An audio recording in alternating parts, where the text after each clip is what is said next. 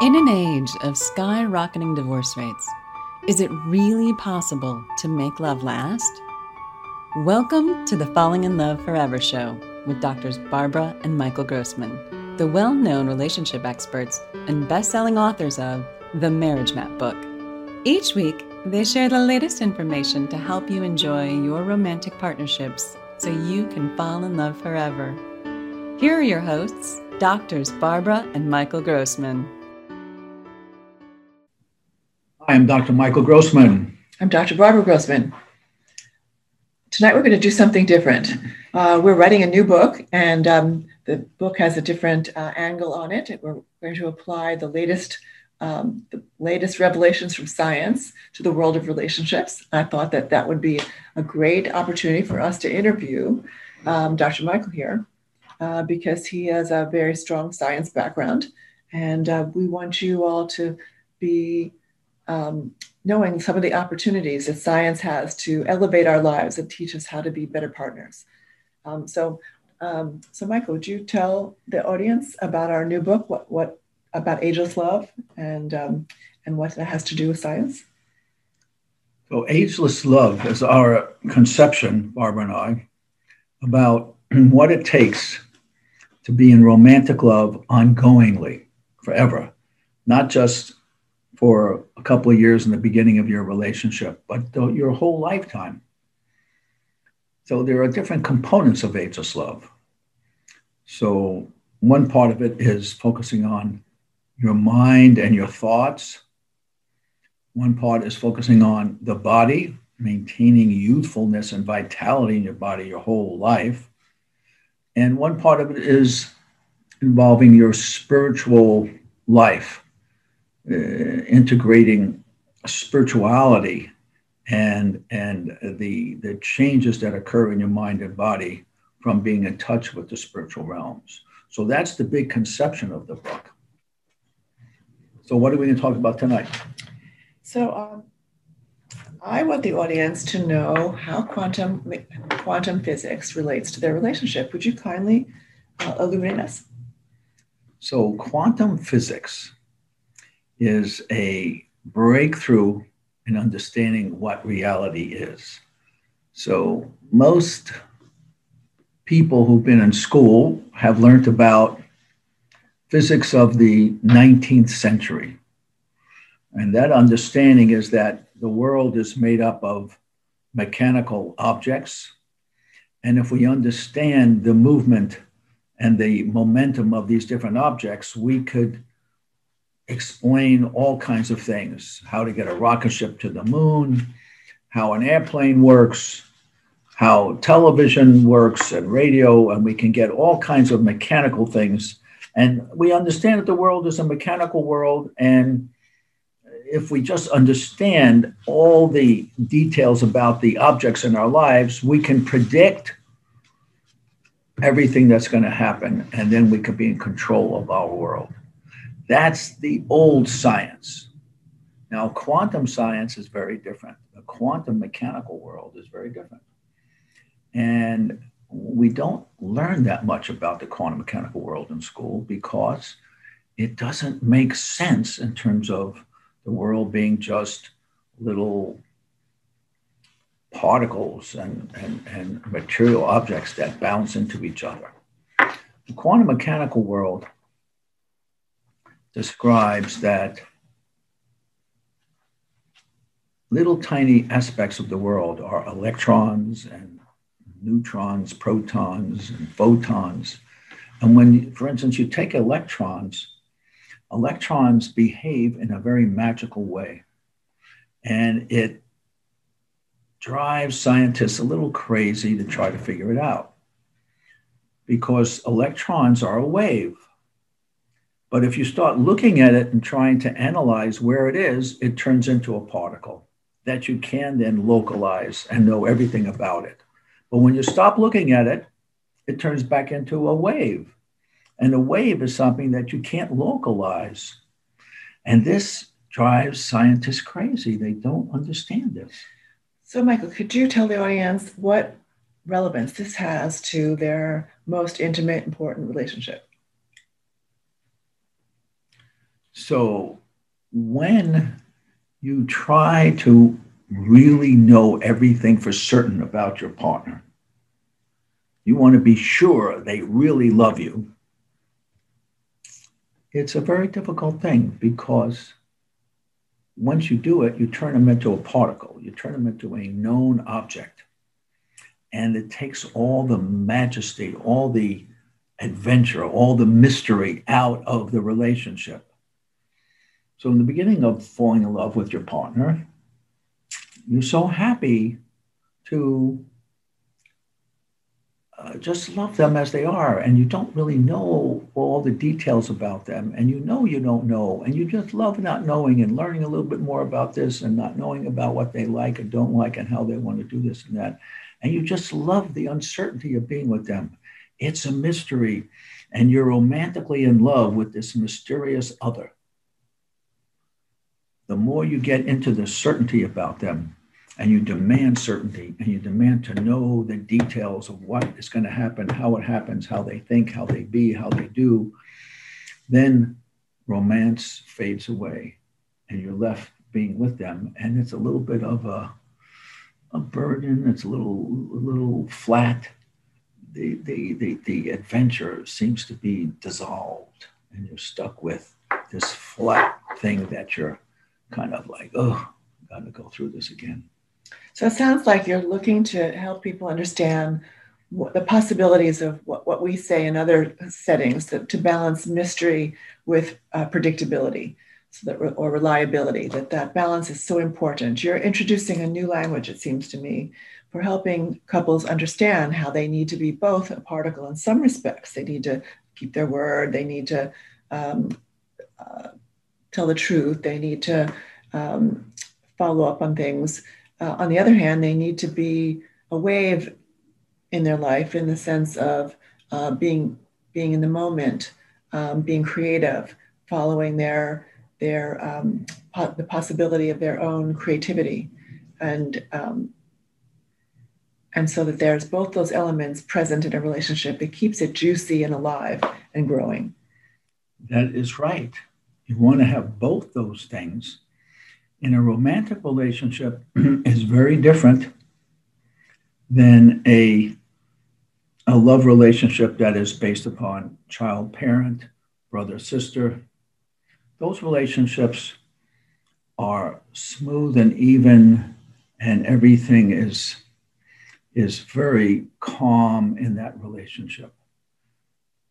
In a romantic partnership, you've got to have that mystery there.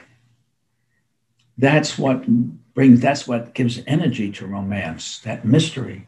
If you don't have the mystery doesn't matter how much togetherness how much understanding how much um, uh, uh, uh, security there is it, it, you you've lost that mystery and that energy of romance is gone so how to have both those things together is what we look at in terms of helping uh, our couples to experience ongoing romance. Right. In the future, we look forward to translating this more so that you know that even in conversations, when you when you make assertions about your partner and try to localize them and, and peg them in some you know implied accusation, that that puts that makes them a particle.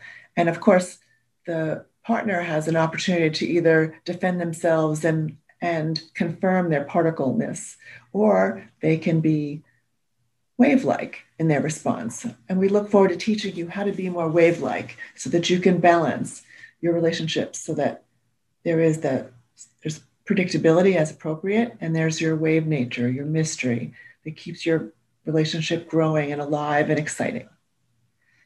And, and, and Dr. Barbara and I are creating five classes that are going to be um, video classes, three components of each class, where you're going to get homework and practices to allow you to create that, that stability in your relationship along with that, that mystery, along with that adventure, so that you can partner together with your romantic partner to create your life Because when you create from certainty, it's there's no romance there. When you create from not knowing, from being in the unknown, uh, uh, you you can create whatever future you want. You're talking about possibility, aren't you? Possibility. So romantic partnership is creating from possibility, where you have a, a an understanding of what you're agreeing as as this is what our our our security is but then you have to leave open a big space for possibility. Which is new expression new new ideas new creations. Yes. And so when we look at the practicality of this we talk about ballroom dancing barbara and i are ballroom dancers we, we compete in ballroom dancing. And ballroom dancing has a structure in standard ballroom dancing. You have a structure where each partner is stuck with the other and you don't let go of each other. You're holding on to each other. And so it's a close relationship. It's stable, it's secure. It's just you and your partner. But you have to have this the, the ability to have freedom of movement within that restriction. And the freedom of movement is what happens in ballroom dancing when each partner then has one side of them is free from movement and self expression. And you see ballroom dancers, they, they continue to hold each other, but there's such freedom of movement. It's not boring. It's not so stable that you, you're, you're uncomfortable and, and there's no possibilities for movement. It's not like when you hug each other in slow dance, there's really not a lot you can do. Nor is it like rock and roll, where you're just neither one of you are holding on to the other, you're just wiggling. It's both together the intimacy of being just me and you, and we're going to be moving around, and you don't quite know how these movements are going to work because it's really like open to all possibilities of movement. So both those things together are what creates romance. So when you talk like that, I get the picture you're describing a connection that's stable plus a equal element of creativity that you that you each bring as individuals to the partnership and it keeps growing and it represents a kind of unending mystery. That's correct. And when we go back to the uh, understanding of quantum mechanics, as we describe in our book, the orbital of an electron is kind of set in a certain pattern, but you can't localize the electron to any particular place. It's just randomly anywhere in this field. And this orbital that the electron is just moving around as a wave in this field you can invite another electron into that orbit, only one other electron. You only have two electrons in a particular orbit. And that electron has to have the opposite spin from the first electron. And they both move in that same orbit together. And those orbitals can change. You could add photons of energy and, and push those electrons up to a bigger orbit, more complex orbit. But they still have to have opposite spins, and you're only allowed to have two electrons in any orbit.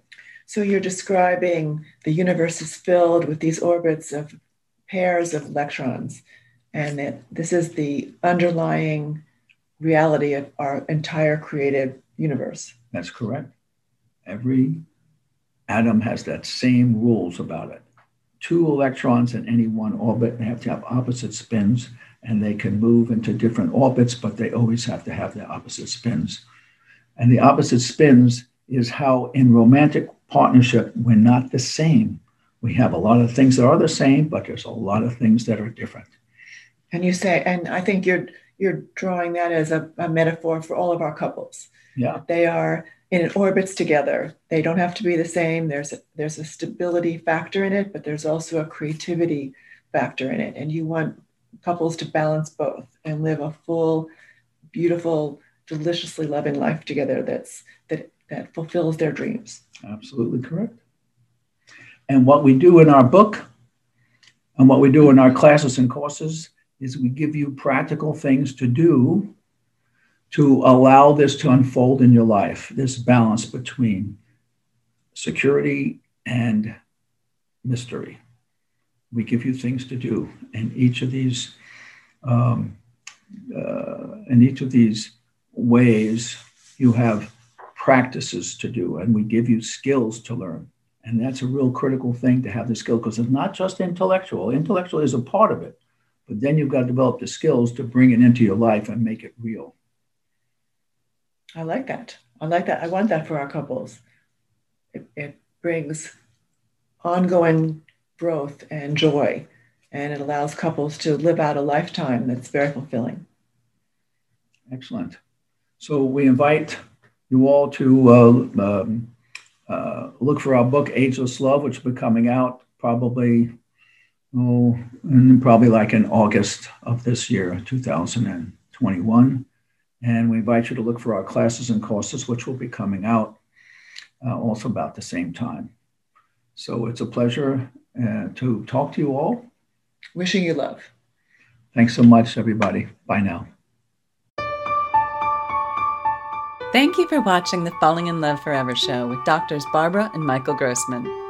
Join us next week for another informative discussion to help you keep your love alive. Be sure to visit us at themarriagemap.com or find out about our relationship classes at fallinginloveforever.com.